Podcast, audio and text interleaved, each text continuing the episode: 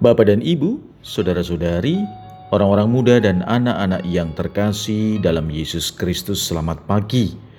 Salam bahagia dan salam saroja untuk kita semua berkah dalam.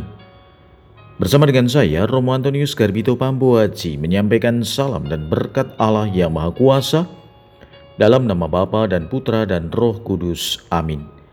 Hari ini Selasa 16 Maret dalam pekan biasa Prapaskah keempat. Bacaan pertama dalam liturgi hari ini diambil dari kitab Yeskel bab 47 ayat 1 sampai dengan 9 dilanjutkan 12. Bacaan Injil diambil dari Injil Yohanes bab 5 ayat 1 sampai dengan 16. Pada hari raya orang Yahudi, Yesus berangkat ke Yerusalem. Di Yerusalem, dekat pintu gerbang domba, ada sebuah kolam yang dalam bahasa Ibrani disebut Bethesda. Seraminya ada lima, dan di serambi-serambi itu berbaring sejumlah besar orang sakit. Ada di situ seorang yang sudah 38 tahun lamanya sakit. Ketika Yesus melihat orang itu berbaring di sana dan karena ia tahu bahwa ia telah lama dalam keadaan itu, berkatalah ia kepadanya, Maukah engkau sembuh? Jawab orang sakit itu kepadanya, Tuhan, tidak ada orang yang menurunkan aku ke dalam kolam itu apabila airnya mulai goncang dan sementara aku sendiri menuju kolam itu, orang lain sudah turun mendahului aku. Kata Yesus kepadanya, "Bangunlah, angkatlah tilammu, dan berjalanlah." Dan pada saat itu juga sembuhlah orang itu, lalu ia mengangkat tilamnya dan berjalan. Tetapi hari itu hari Sabat, karena itu orang-orang Yahudi berkata kepada orang yang baru sembuh itu, "Hari ini hari Sabat, dan tidak boleh engkau memikul tilammu." Akan tetapi ia menjawab mereka, orang yang telah menyembuhkan aku, dia yang mengatakan kepadaku, angkatlah tilammu dan berjalanlah. Mereka bertanya kepadanya, siapakah orang itu yang berkata kepadamu, angkatlah tilammu dan berjalanlah. Tetapi orang yang baru sembuh itu tidak tahu siapa orang itu, sebab Yesus telah menghilang ke tengah-tengah orang banyak itu. Kemudian ketika bertemu dengan dia dalam bait Allah, Yesus berkata kepadanya, Engkau telah sembuh, jangan berbuat dosa lagi, supaya padamu jangan terjadi yang lebih buruk. Orang itu keluar lalu menceritakan kepada orang-orang Yahudi bahwa Yesuslah yang telah menyembuhkan dia. Dan karena itu orang-orang Yahudi berusaha menganiaya Yesus karena ia melakukan hal-hal itu pada hari Sabat. Demikianlah Sabda Tuhan, terpujilah Kristus. Saudara-saudari yang terkasih dalam Yesus Kristus, Sabda Tuhan hari ini berbicara soal air. Siapa sih di antara kita yang bisa hidup tanpa air? Air menjadi sarana keselamatan.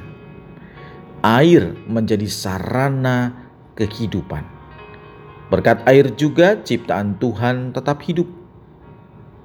Dengan kata lain, air adalah simbol penyertaan Tuhan. Air menjadi kehidupan kepada makhluk hidup.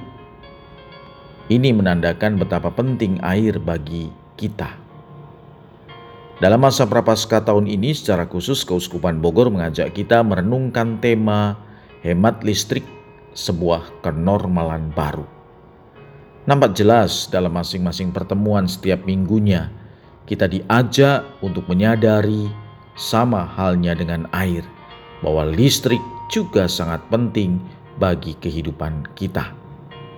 Dalam pertemuan pertama, kita diajak merenungkan keragaman sumber energi. Dalam pertemuan kedua, ada tema listrik dalam kehidupan kita.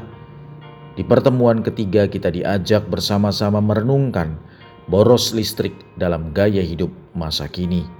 Dan dalam pertemuan keempat, kita diajak merenungkan tema gaya hidup hemat listrik. Sama halnya dengan air, pertanyaannya, siapa di antara kita yang bisa hidup tanpa listrik? Hampir semua aspek kehidupan kita, kita membutuhkan listrik. Saudara-saudari, mari kita kembali kepada bacaan kitab suci yang kita dengarkan hari ini. Dalam bacaan pertama, Nabi Heskiel membagikan pengalamannya kepada kita. Air sungai yang berasal dari bait suci ternyata mampu membuat air laut asin menjadi tawar. Hal itu membuat segala macam ikan dapat hidup di situ dan berkembang biak dengan baik. Tidak hanya mendatangkan kehidupan bagi makhluk-makhluk air, ternyata sungai juga menjadi berkah bagi tanah yang dilaluinya. Tanah di sekitar sungai menjadi subur, sehingga menumbuhkan pohon-pohon yang baik, yang berbuah tiada henti. Pengalaman Yeskel ini menggambarkan bahwa umat Allah yang mengalami kehancuran akan dipulihkan olehnya. Pemulihan itu akan berawal dari bait suci. Allah akan meraja dari dalam bait suci dan dari situlah keselamatan akan mengalir. Gambaran air sebagai sumber kehidupan semakin diperjelas dalam Injil hari ini. Perlu dipahami, kolam yang bergoncang menurut kepercayaan orang Yahudi adalah tanda kehadiran tanda penyertaan Tuhan yang mendatangkan berkat.